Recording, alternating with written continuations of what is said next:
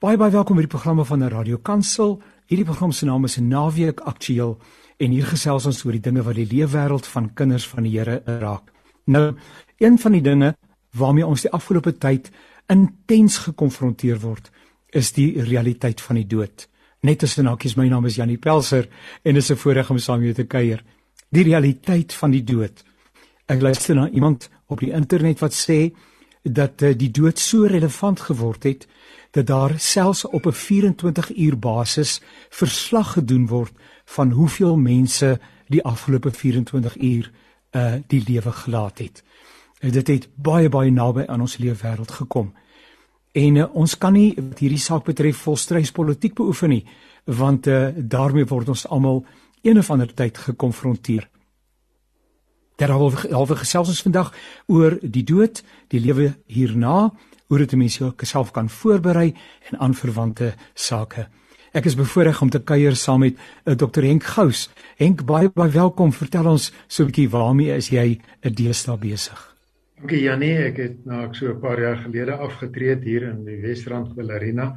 Is ek nou by die tweede gemeente wat ek as brugpredikant vir hulle help om uh om deur 'n soekende fase na 'n nuwe roeping te kom. Ek skryf ook heelwat maar uh, dis vir my nog lekker om aan te gaan met 'n stukkie bediening. Baie baie dankie en baie welkom. Dan Dr Tanya van Wyk. Eh, Tanya, vertel vir ons van jouself. Middag Jannie, middag uh, my kollegas ook hierso. Dankie Jannie. Ja, ek is uh, Tanya van Wyk. Ek is 'n senior lektor by Tikkies by die Universiteit van Pretoria en ek uh, doseer daar sistematiese teologie, Christelike etiek en uh, nou van die begin van die jaar spiritualiteit ook. Dis lekker om hier saam met julle te wees. Dankie. Baie baie dankie en dan nou die derde dokter in ons geselskap vandag, dokter Isak Burger en uh, Isak baie baie welkom. En vertel vir ons ietsie van jouself asseblief. Uh ja Janie, ek is nou uh in die groepering wat hulle praat van pensionaarsse en uh, erger woord ek sien dit as hulle verwys na mense van my ouderdom praat hulle van bejaardes. Nou ek geskryf met daai begrip te identifiseer. Ek sien my nog nie daar so nie. Ja, maar uh, ja. ek is oorspronklik op hierdie stadium al met die inperking uh besig maar met skryfwerk gelukkig is as as, as 'n mens uh skryf ehm um, en 'n boek het om te skryf, iets op die hart om te skryf dan uh het ons nou genoeg tyd daarvoor. Kollegas baie dankie vir die saamkuier. Ons gesels oor dood en miskien lewe dan ook daarmee saam. En as ek dit dan op die tafel plaas, is al drie teoloë, eh, kan ons bietjie kuier en gesels oor wat sê die Bybel, verskillende perspektiewe rondom lewe en dood. En ek gaan sommer vir Henk vra om die om die baan te open en dan is dit 'n hartlike uitnodiging. Ja nee ja, die Bybel is baie helder oor die sekerheid dat die lewe 'n geskenk van God is en die dood is nie die einde van die lewe nie, al is dit die einde van die biologiese lewe. En die Bybel sê dis ons moet saam met God nadink. Dis die doel van die hele Bybel om saam met God na te dink en te lewe oor alles. Ons moet saam met God dink oor hoe ons lewe en die feit van dood en lewe na die dood moet ons ook deur en natuurlik praat die Bybel daaroor in in terme wat wat die Bybel vir ons as mense dit verstaanbaar maak. Want eintlik is ewigheid en lewe na die dood amper ondenkbare konsepte, goed wat ons nie kan in ons koppe mooi vasvat nie. En daarom praat die Bybel oor heel wonderlike, eenvoudige menslik verstaanbare metafore daaroor en dit help ons om hierdie ondenkbare konsep tog vas te vat. Kom ons hoor. Ja, Janie van my kant af, uh ek wil net aanhaak wat jy in die opening gesê het. Uh ek meen ek het nou die afgelope 2 dekades redelik geskryf, 'n hele paar boeke rondom die dood en die lewe hierna. Uh maar ek moet ook sê en erken dat die afgelope maand of 2, veral met die derde vlaag van die COVID, ehm uh, het ek uh uit die dood so naby gekom. Jy weet, uh gelukkig het, het ons nog persoonlik as familie vrygespring. Maar daar gaan laaste week of 2 nie 'n dag verby wat ek nie uh verneem van 'n kollega wat of ernstig siek is, sterwend is of sy vrou is dood of sy kind is dood nie vanmôre weer kollega wat vra sy 39 jaar is geseën is kritiek met die COVID. Jy weet mense uh, dit is die die die die die ehm um, COVID maai so rondom ons so naby aan ons dat dink uh, in ons leeftyd was die dood nog nie 'n meer uh, relevante onderwerp om oor te praat as in ons tyd. Uh om aan te sluit by by Henk se se antwoord. Uh weet dood impliseer in hierdie gebroke dispensasie wat ons tans in is, impliseer ook lewe impliseer ook dood. Jy kan eintlik nie oor die lewe praat en nie oor die dood praat nie. Ja. Uh, uh ja, reg het hy gesê dat lewe is 'n geskenk van God. Maar ek dink mense moet ook daarby sê die dood is 'n vyand van God. Uh dit sê 1 Korintiërs 15 vir ons baie duidelik. Uh weliswaar kan God die dood gebruik. Hy's almagtig. Hy kan die dood gebruik en hy gebruik dit baie keer. Uh maar die dood is 'n vyand van God. Maar biologies gesproke uh in ons dispensasie is dit die onverwendbare. Jy weet in die hele geskiedenis van die mensdom lees ons in die Bybel net van twee mense wat die dood vrygespring het, Henog en Elia. So die kans die die proporsionele kans dat een van ons dit gaan vryspring is baie baie behalwe kom van Jesus plaasvind. Maar ons moet ook in gedagte ja. vir die gelowige uh is die dood dit is nie presies die wederkoms nie, maar in 'n sekere sin word tot 'n groot mate wat die wederkoms vir ons beloof uh, reeds uh, in vervulling gebring by die dood in die sin dat ons by Jesus gaan wees, uh by God gaan wees. En ek dink dit is uh dit ons later daaroor seker praat, maar dit is dit is uh, die hele mate stem ek volledig met hulle saam. Ek moet sê baie van wat hulle sê gee baie aanleiding tot 'n bepaalde vrees wat mense vir die dood het wat maak dat ons nie oor die dood praat nie en dat ons die dood in donker hoekies druk dat ons ehm um, die dood nie uh, openlik oor praat nie dat ons vir kinders sê ons praat nie daaroor nie. Ehm um, en dit is 'n probleem. Dit is 'n probleem in ons samelewing dat ons nie genoeg praat oor die dood nie. En ehm um, as ons wil kyk na hoe die Bybel oor lewe en dood praat ehm um, vind ons 'n klomp metafore uiteraard maar die Bybel is baie meer genuanceerd as om uitsluitlik te sê iets is goed en iets anders is sleg.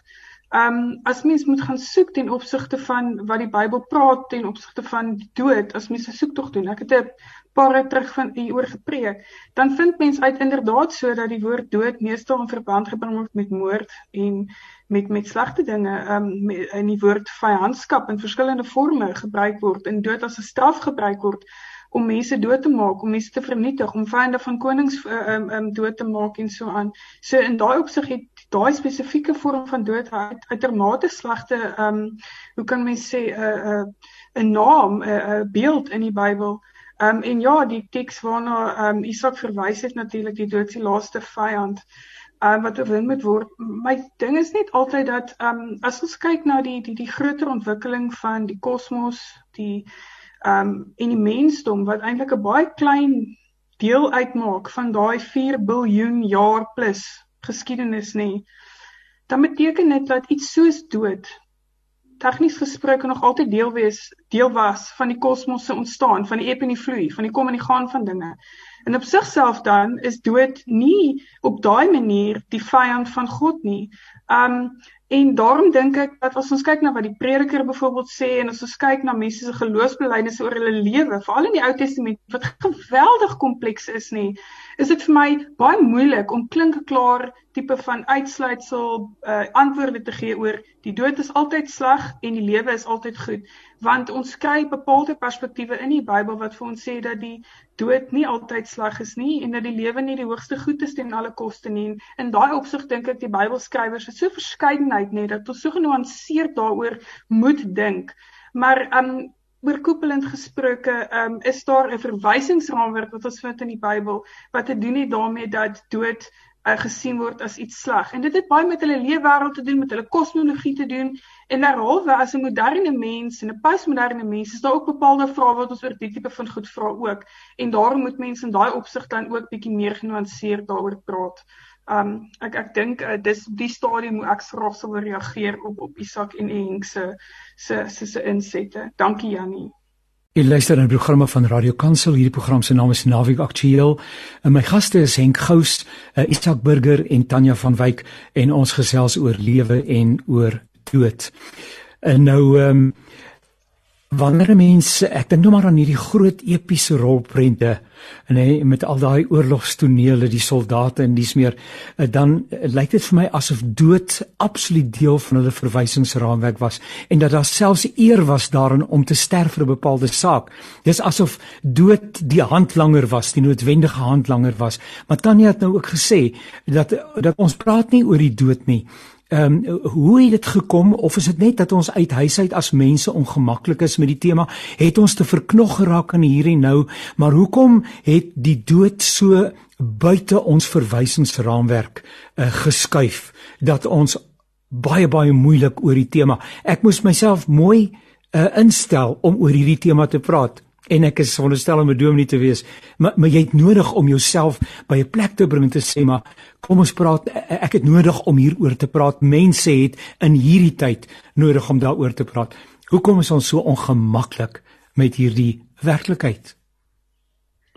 Ja nee, as, as ek kan reageer, ehm um, iets wat onbekend is, maak 'n mens beangs. As jy dink ek gaan nou vir eerste keer oor see, is dit angstig om uit die vliegtuig se deur uit te klim want dit is onbekend. En dis die een eienskap van die dood. Die dood is onbekend. Niemand van ons was al dood en het weer teruggekom nie. Daarom is die onbekende maak dit beangs. En daarom vermy ons dit. En daarom in die moderne samelewing word dit kan dit al hoe meer vermy word 100 jaar gelede kon dit nie vermy word nie. Mense het sommer rondom jou in jou huis dood gegaan. Nou stuur ons hulle veilig weg. En dit maak dat mense dit vermy om daaroor te praat. Hulle praat in versagtende terme daaroor en dis 'n onguns. Want ek het al soveel keer veral wanneer iemand gekonfronteer word sterwend is het daai sterwende persoon die intense begeerte om oor dood te gesels en niemand rondom die bed wil daaroor praat nie.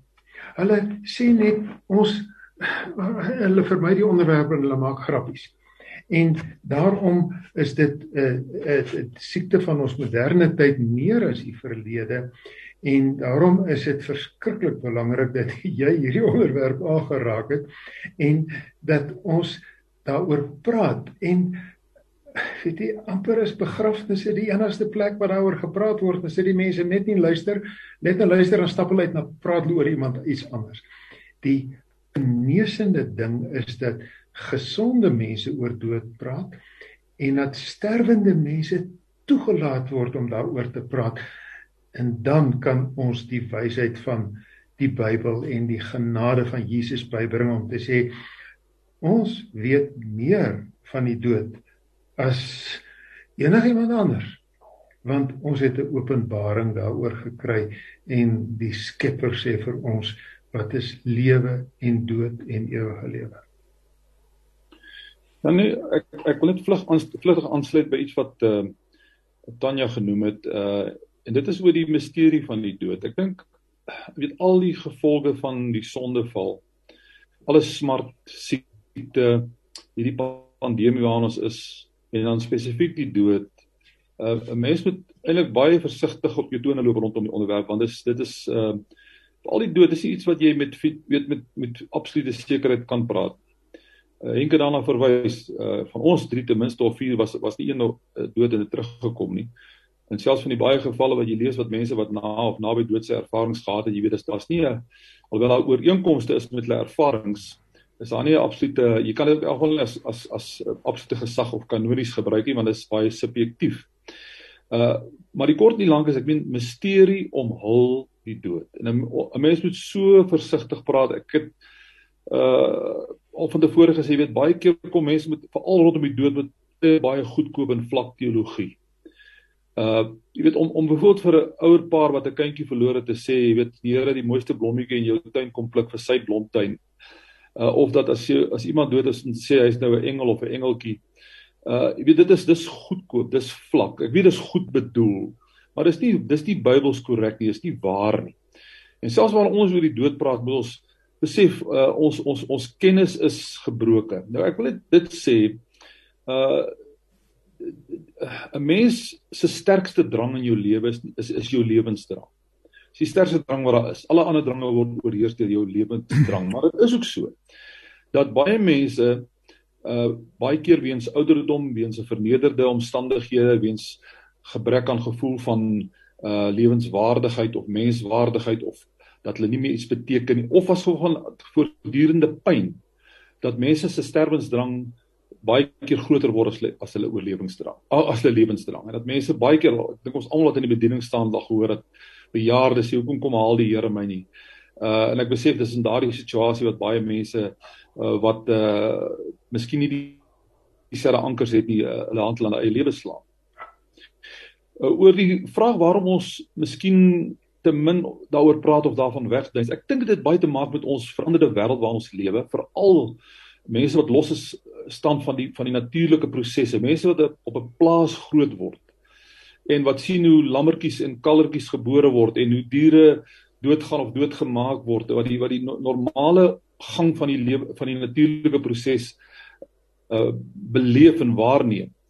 Uh, uh hulle hulle hulle vir ek dink vir hulle is dit maklik om te verstaan ook vir die mense van die Ou Testament alhoewel jy nie kan sê dat Ou Testamentiese mense as 'n reël die dood verlang het of versmag het na nie inteendeel eh, die die, die omgekeerde is waar maar jy sal dikwels vind in die Ou Testament dat daar gepraat word van uh hy is by sy vaders ver, ver, versamel of hy is by sy voorouers versamel so die gedagte was daar dat as jy dood gaan jy gaan na ehm um, na mense wat jy ken natuurlik word daai gedagte vir ons voortgesit in die Nuwe Testament Uh ek wil net dit sê en ons kan miskien later daaroor uitbrei. Vir my is die uh Henk het verwys na die feit dat uh uh nie een van ons was daar en het teruggekom nie. Maar ek persoonlik heg geweldig waarde aan Jesus se verhaal van die ryk man en Lazarus. Want daar het jy die een aan die woord wat aan die ander kant was wat hierdie kant toe gekom het wat weet wat aan die ander kant is Jesus self. Dis nie 'n engel wat daar praat of 'n apostel nie dat hulle nie die waarheid sou praat nie, maar jy praat Jesus daar aan die woord En baie mense sê dis 'n gelykenis. Ek verskil daar. Is nie 'n gelykenis wat my betref nie. Dis die enigste plek waar as 'n gelykenis waar 'n persoonsnaam genoem word waarin direkte terme gepraat word. Daar was 'n ryk man, daar was 'n bedelaar in, in Lukas 16 vers 19. So daai is vir my 'n baie betroubare uh beeld wat wat wat Jesus daar oordra aan aan aan mense oor hoe dit is aan die ander kant. Net na mense gesterf het beide vir die regverdige en die onregverdige maar die gedagte in die Nuwe Testament oor en oor en veral in Openbaring kry dit herhaaldelik. Die feit dat mense mekaar wel aan die ander kant herken dat hulle by dat jy by bekendes gaan wees vir ons hierdie kant is dit vreemd die dood is vreemd dis heeltemal waar maar die Bybel wil ook vir ons die gemoedsrus gee dat ons gaan nie aan die ander kant kom en straatkinders wees of in 'n vlugtelingkamp beland nie daar's vir ons 'n plek voorberei en daar is geliefdes wat ons gaan herken behalwe natuurlik die belangrikste van alles is ons gaan by God wees, ons gaan by Jesus wees. En dit is my so mooi in Johannes 14 vers 3 waar hy sê uh, as ek gegaan het kom ek weer en sê hulle na hy sê nie na die plek toe neem, hy sê na my toe neem sodat julle ook kan wees waar ek is. So dit is die kern van die hemel en ek dink dis wat mense die tuiste gaan laat voel is tot op by die Here gaan wees. Jy luister na Radio Kansel, Naweek Aktueel. My naam is Janie Pelser. Ek gesels met eh, Dr Henk Gous, met Dr Isak Burger en Dr Tanya van Wyk en ons gesels oor uh, die dood. Tanya, kom ons kom nou uh, by 'n ding wat uh, waaroor daar uiteenlopende menings is. Ehm um, en ook interpretasies is, uh, naamlik waar kom die dood vandaan? Hoekom die dood? En dan die hele saak van die sonde. En uh, is dit hoe mens 'n uh, 'n genadige God verstaan en interpreteer. Ehm um, kom ons veronderstel nou dat is iemand 'n absolute losbandige lewe gelei het van totale onverskilligheid sou 'n mens miskien 'n saak kon uitmaak en sê so 'n persoon verdien die dood en ek bedoel but for the grace of God there goes I maar iemand het nou nie met ander woorde die knie gebuig voor Jesus nie en loop nou die lewe mis. Uh, dis dis moeilike goeters hierdie. Kom ons kom ons hoor by jou. Uh, lei vir ons hierdie deel van ons gesprek in. Weet jy Jannie, ehm um, ek gaan nie eers begin by die laaste stukkie nie. Ek gaan maar begin by die eerste stukkie ehm um, wat jy gevra het, die laaste stuk ten opsigte van die hele saak rondom ehm um, uh wat ons dikwels natuurlik verstaan as verlossing en so dit het ook 'n uh, taamlike afhangend van wie jy luister nou na wie jy luister 'n uh, taamlik komplekse ehm um, verstaansgeskiedenis in opsigte van wat verlossing is En nou vind ek myself al klaar hieroor praat. Um ek uh is ontsettend geïnteresseerd in hierdie dinge. Ek ek dink aanhoudend na oor die dood. As ek 'n kans kry, skryf ek ook daaroor. En ehm um, die rede, een van daai redes is natuurlik omdat ehm um, ek dink as mense die dood daagliks voor oë hou, uh, die 5de eeuse mystikus Benedict van Nursia het dit gesê, Benedictus, as jy die dood daagliks voor oë hou, is dit die uh, manier um, om 'n volledige lewe te lei. Dit in sy uh, bekende Benedict's Rule geskryf in die 5de eeu. Maar kom ons kom nou maar bietjie terug tot die hele saak van verlossing en ehm um, die dood en hoekom dit daar is ensovoorts. En Ek uh, val graag terug op die teologie van die Duitse teoloog Jürgen Moltmann omdat hy geweldige invloed in my eie lewe gehad het en hy groot invloed gehad het op my proefskryf toe ek dit klaar gemaak het. En hy het so amper 20 jaar terug wat na my mening een van die beste uh, kort opsommings is van sy nadenke oor lewe na die dood. Hy het 'n boek geskryf en die titel van die hoofstuk was Is there life after death? Is daar lewe na dood?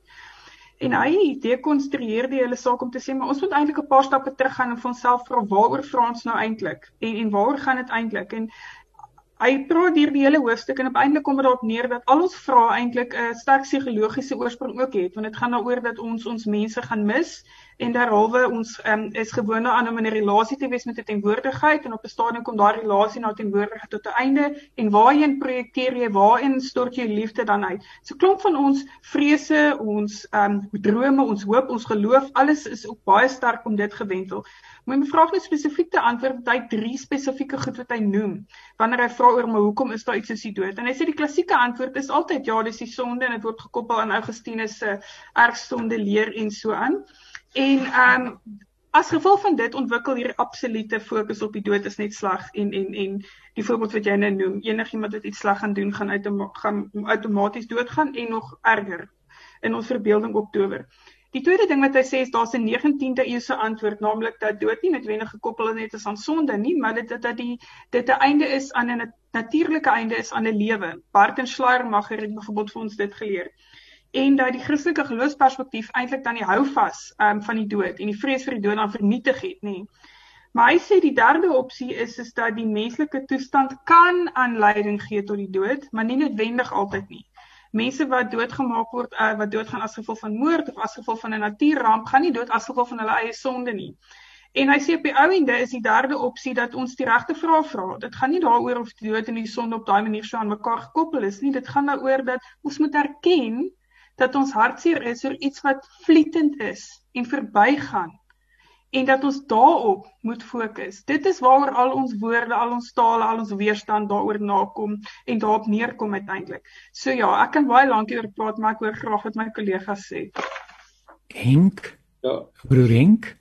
Weet jy dit is so die die hartsverlange dat jou porsie hierso groter sal wees dat jy nie jou geliefdes sal verloor nie. Dis absolute werklikheid. En daarom moet 'n mens daarvan erkenning gee. Maar om te sê die hele gedagte van lewe na die dood is eintlik 'n projeksie daarvan is ook uh eensydig. Dit is uh die die feit is dat 'n mens weet ons weet nie alles nie. Die misterie van waar dood vandaan kom en was dit deel van God se oorspronklike plan of was dit het dit eers op 'n stadium met God se plan verander? Uh, ek dink daar staan 'n mens nogal voor 'n misterie want ek sien dat dat God het ons geskep met sy plan van 'n permanente saambestaan. Want ons is beeld van God. Ons is gemaak as sy kinders. En daarom is hierdie bewussyn van my, in my is 'n Godgegewe bewussyn wat permanent is. En daarom hou ek daaraan vas en dan is die as ek dan kom by hierdie verlange om iemand vir wie ek lief is nog by my te hê en nie reeds weg nie, dan dan moet ek vashou en sê ons almal is in 'n permanente wese as permanente ewige wesens geskep en dis die genade wat ek aan vashou. Dis uh die heel eenvoudige een van ons sou ewige lewe het op aarde totdat die sonde val. Ek dink dis 'n bietjie gekom um, dit verge meer genuanceerde antwoord want dit is so die hierdie biologiese wonderwerk wat my liggaam is is God gegeewe maar hy's deel van God se natuur en die algemene openbaring sê my gereformeerde belydenisskrifte praat saam met die besondere openbaring. En as ek die biljoen jare sien van verstommende onverklaarbare lewe wat geëindig word deur die dood dan is dit deel van my denke oor myself ook.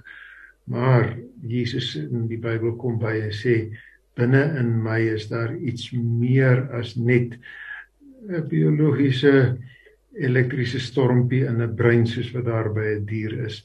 Dit is 'n iets van God se wese wat ewig is Dokter Isak, die Bybel sê die loon van die sonde is die dood. Dis 'n ander soort dood waarvan daar sprake is. En dan skryf Paulus in Korintiërs 1 Korintiërs 15 en hy sê dood, waar is jou angel? Uh en uh, dan wonder ek of dit nou weer 'n ander dood, die fisiese dood is die hier en die nou waarna hy verwys. Uh die die, die daai hele koppeling van waar kom die dood vandaan en ons verstaan in die kort streepie wat ons trek tussen dood en sonde dis as gevolg van sonde dat dood in die wêreld. Is dit is dit houdbaar? Is dit evangelie? Hoe moet ons ja, daarna kyk?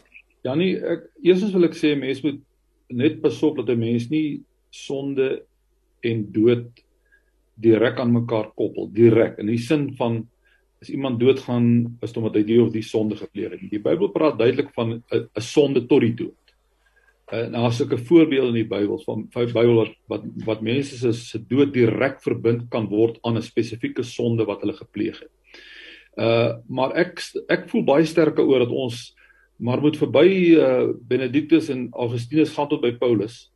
Uh as jy die teks wat jy aangehaal het oor die loon van die sonde is die dood en dit is waar hy in Romeine ook sê of ja Romeine sê dat uh jy weet soos wat deur die sonde van een mens uh, die dood in die wêreld gekom het uh daar's vir my weinig twyfel dat dat dat die dat die oorspronklike oersonde, erfsonde, noem dit wat jy wil en die dood aan mekaar verbind moet word. Maar maar nie in elke mens onderskei net soos met siekte. Daar's mense wat siek word uh as gevolg van van van van 'n verkeerde lewenstyl, as gevolg van uh van sonde, maar maar maar alle siekte kan indirek terugherlei word na die oorspronklike sonde. As daar nie sonde was nie, as daar nie 'n bose in die wêreld gekom het nie, as die mense nie aan God ongehoorsaam was nie, sou daar waarskynlik nie dood gewees het nie. Dis die realiteit. Maar ek dink die belangrikste uh faktor of by hom te noem is die is die is die is die Here Jesus Christus self. Uh hy het ges, hy het gesterf. En die rede hoekom hy gesterf het, is die Bybel baie uitdruklik oor. Hy het gesterf ter wille van ons sonde. Dis sonde wat gemaak het dat daardie uh wrede uh dood van hom gerealiseer het. Maar ook in sy dood is daar ook vir ons die hoop van en en dis waarom die opstanding van Jesus so belangrik is. Die feit dat hy opgestaan het uit die dood.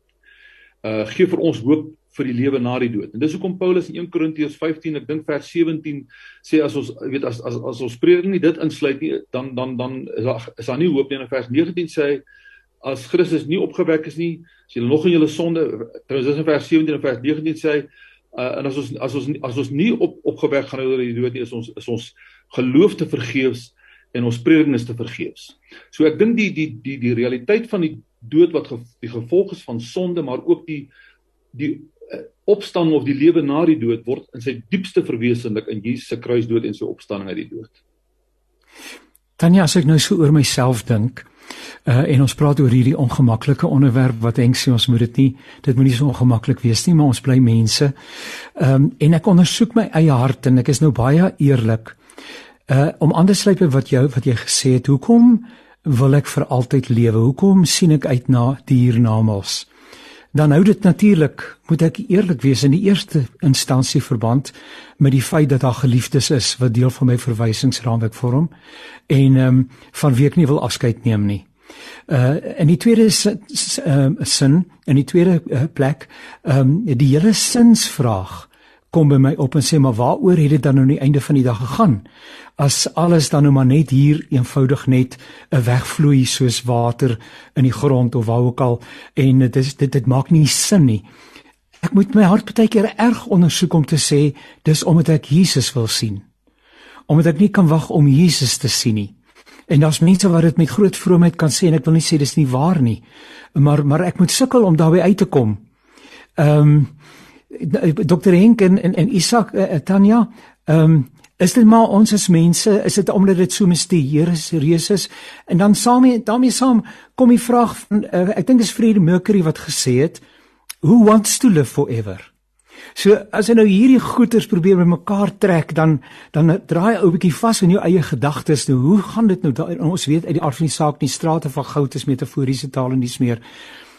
Maar dis half baie keer wat net wil sê Here besluit u maar. u weet wie einde wat is die heel beste en ek glo ek sal nooit teleurgesteld wees nie, maar lei jy net vir ons hierdie stukkie in. Is ek die enigste ou wat wat sê dis die bekende wat my laat uitsien na die ewigheid meer as uh, meer as baie keer die ander dinge wat 'n deel van my verlossings onderbou vorm. Nee, weet jy, ehm um, ja nee, ek dink elkeen van ons het ehm um, kom ek sê vir so, ek dink ons eie verbeeldings, elkeen van ons sin speel 'n geweldig groot rol in enige tipe denke wat ons kan vorm vir onsself oor die hiernamaals.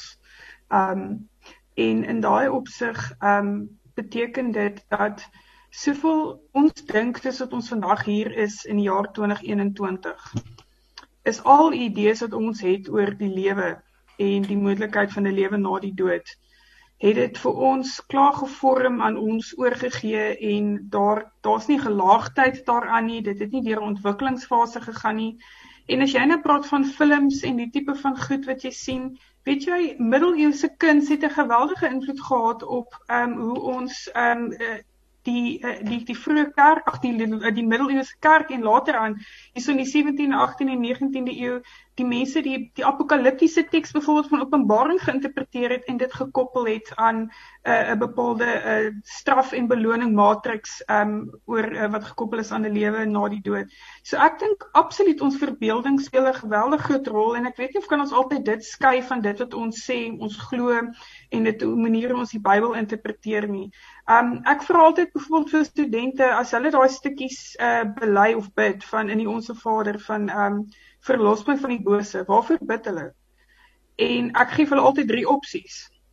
En ek vra vir hulle bid julle vir verlossing van die duiwel of van die dood of van julle eie menslike natuur. Dit is baie interessant wat elke jaar se groepe verskillend op daai saak antwoord.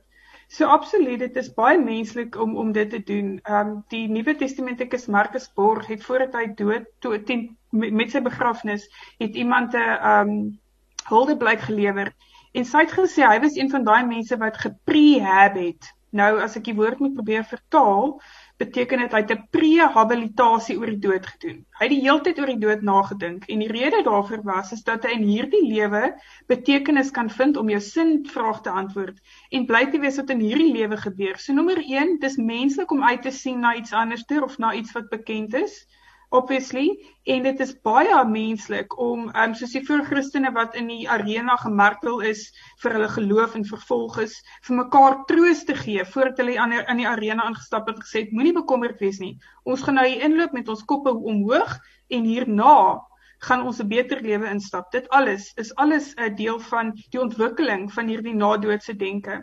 Maar ek moet sê dat ons te veel kere weghardloop van sin en betekenis vind in hierdie lewe hier en nou ten koste van um uitsien na wat hier nakom want dit gaan outomaties beter wees. Um ons is heeltemal te min gefokus om gelukkig te wees in dit wat ons hier en nou het, sin te vind te midde van moeilike en uitdagende omstandighede, vir mekaar daar te wees. Dis wat Moltmann noem 'n etiek van hoop. So hoop is baie meer iets wat mense moet doen en moet wees vir mekaar hier en na as wat dit iets is wat sommer net outomaties verplaas word. En hoor mooi, ek sê nie dis die een of die ander een nie. Dis vir my net baie uh, opmerklik dat mense te veel bekommerd is oor jaag deur die lewe sodat ons kan uitkom by die uitpunt en um, dan gaan alles beter wees. Ons moet ook fokus om vir mekaar hoop te wees hier en nou. Um om, om net bietjie in te speel op wat jy gesê het daar Jannie. Dr Tanya van Wyk se Universiteit van Pretoria by die departement teologie. Uh broer Henk en broer Isak, uh ons word daagliks gekonfronteer met hierdie werklikheid. Dis noodwendig dat mense sal vra, kan ek voorberei vir hierdie deel van die reis wat nog vir my voorlê. Uh help asseblief ook vir ons luisteraars in die verband. Om by Tania aan te sluit, 'n mens kan maklik verlang hemel toe en die aarde vergeet, maar ek dink Paulus is nog wel redelik goed. Hy sê uh om heen te gaan is wonderlik, om hier te bly is goed terwyl van julle lewe en sterwe is vir my al twee Christus, al twee is vir my iets wat ek voluit wil geniet. En dis die dis die uh manier wat ek dink goeie nadenke, gelowige nadenke oor die dood terwyl jy voluit lewe vir mens 'n goeie balans gee. Dat jy sê ek ek geniet hierdie lewe. Ek maak dit so sinvol as moontlik. My my doel is om sin te vind vir die jare wat ek hier is want ek wil nie my tyd mors nie en uh, as ek eendag uh, die ewige lewe beleef dan is dit weer daai daai uh, deel van my lewe se beurt. Dus ek wil voluit hierso lewe met 'n bewussyn van die dood en met 'n bewussyn van nog 'n porsie wat ek kry. Ek glo dat mense begeerte het uh en dat jy beelde het, maar weer eens dis meer as verbeelding. Dis menslike pogings om die ondenkbare tog op 'n manier uit te druk as metafoor uh en met metafore en daarom sien ek al die verwysings in die Bybel uh die Openbaringbrief Lazarus alles as Jesus se wysheid om die onverstaanbare met metafore vir ons verstaanbaar te maak sodat ons die die bedoeling kan verstaan. Ek moet dit hierso leef sodat my lewe hier voluit goed en volgens God se wil is en die ewige lewe is die bonus, die voortsetting wat ek kry. Aan albei moet ek gebalanseerd vashou. Dr. Henk Gous, baie baie dankie vir u deelname. Uh, Dr. Isak, uh, is die antwoord om jou voor te berei, uh, aanvaar Jesus as jou persoonlike verlosser en saligmaker en jou naam is nou geskryf in die boek van die lewe en van die lam en jy hoef nie langer die dood te vrees nie. Is dit die uh, is dit die troos uh, uh, hoe help ons mense in 'n tyd soos hierdie rondom die saak van die dood wat 'n uh, werklikheid is en word? Ja, Janie, ek sal nooit uh wil uitlatings maak of uitsprake maak oor mense wat uh buite die openbaring van Jesus Christus staan nie. Jy het dikwels hoor as hulle sê mense wat wat van mense wat nog nooit van God gehoor het of van Jesus gehoor het of van die kruis gehoor het nie. Wat van mense wat in ander godsdienste staan wat toegewyd hulle godsdienst beoefen. Ek ek kan geen uitspraak maak, geen oordeel vel. Ek is nie die regter nie. Gelukkig is God die regter. Maar ek kan ek, ek kan nie regte speel oor ander mense nie, maar ek kan sê in die lig van die openbaring wat ek ontvang het word sonder omhaal duidelik gesê dat Jesus is die weg, die waarheid en die lewe en niemand kom na die Vader anders as deur hom nie. En dis my roeping of deel van my roeping, dis deel van my missie om aan soveel as moontlik mense aan Jesus Christus voor te stel en hom dat hulle mag ervaar as die lewende, die waaragtige en die een met wie jy kan wandel want dis uiteindelik tog wat verbreek is in die tuin van Eden is die wandel met God. Uh en dis wat uiteindelik volkome gaan herstel word in die in die in die in die in die hemel. Ek wil net dit sê uh Jan, jy weet uh, ek ek dink ek dink uh, Tanya is reg in die sin dat ons idee van die hemel is baie keer gevorm deur uh, beelde en daar seker geuite gedagtes dat die hemel nou so gaan lyk dat ons soos op op wolkies gaan sit en harpe gaan speel en die klas dinge. Ek dink vir my is die kern van die van waaroor dit in die hemel gaan is nie oor hoe dit gaan lyk en waar die plek is of dit in 'n ander dimensie is of waar dit is nie, maar die is die uitdruklike woorde van Jesus dat as as ons as as hy kom ons toe kom haal, het sy deur die dood of deur die wederkoms, gaan ons by hom wees. En ek dink dis die mense diepste leemte in sy lewe selfs al kan hulle baie keer identifiseer nie. So wat ou Augustinus ook tereg gesê, daai diepste leemte in ons lewe is 'n soeke na God. En God alleen kan daai diepe leeg leemte vervul. En dis waarom die die hoogste goed en die die essensie van die hemel is nie dat ek my oorlede pa weer gaan sien of dat ek dat ek by by 'n boom gaan staan wat 12 keer die jaar vrug dra nie. Watter hoe jy daai goed ook al simbolies wil interpreteer. Die belangrikste van die hemel is ek gaan by die Here wees. En en Johannes skryf dit so uitdruk in in sy, in sy brief 1 Johannes 3 vers 2. Hy sê ons gaan hom sien soos hy is en in Openbaring uh, 22 vers 3 sê ons gaan hom ons gaan sy aangesig sien. En ek dink nie ons kan ons naaste by voorstel hoe dit moet wees om by God self te wees. Dis waarom mense nie in daai terme kan dink o, ek gaan nou nie na 100 000 jaar moeg wees om die Here te prys of hom te sing nie. Ek dink ons dink verkeerd oor die hemel as ons daaroor dink. Die essensie van die hemel is ons gaan by God wees Ons gaan terugwees by die een wie die verhouding verbreek is in die tuin van Eden net in sy volmaakte oudanigheid. En daar gaan die tyd aangekoppel wees. Die, jy gaan nie moeg word daarvoor nie. Dis die grootste troos dat ons eintlik by hom uiteindelik by hom gaan wees deur sy seun Jesus Christus uh, die stem van dokter Isak Burger en uh, ek dink aan die woorde van die lied wat sê my enigste troos in lewe en in dood is ek is dat ek kan Jesus Christus spoor. Dis ook die die vraag uh, Heidelberg se katekismus vraag en antwoord 1 wat is my enigste troos in lewe en dood? Uh, mag jy elke dag vanuit daardie troos lewe? Uh, mag jy uh, voluit lewe soos wat Tanya inderdaad gesê het? Ook Henk, die lewe is 'n wonderlike stuk genade uit die hand van God. Ook Isak, kom ons uh, embrace dit. Kom ons omarm dit. Kom ons lewe ten volle dat ek ten minste nie met die hierdie verwyd die ewigheid tegemoet sal gaan nie. Dat toe ek kon lewe op aarde, het ek die geleentheid nie benut nie. Dit het by my uh, verbygegaan. Uh, Dr. Henk Gous, uh, Dr. Isak Burger en Dr. Tanya van Wyk, baie baie dankie vir julle deelname. Liewe luisteraar, baie dankie dat jy ingeskakel was. Onthou jy kan hierdie program as 'n potgooi vind by www.radiokansel.co.za. Gaan na Naweek Aktueel en jy sal dit daar vind. Ook ons programme op 'n Woensdag perspektief waar ons ewenigs naby probeer kom met die dinge wat die leefwêreld van Christene raak. Dit kan jy ook daar raakloop. Dankie aan Woesie en en Mpo wat vir ons help met die tegniese versorging van hierdie program. Pas julle mooi op, bly gesond en tot ons mekaar weer ontmoet. Alles wat mooi is.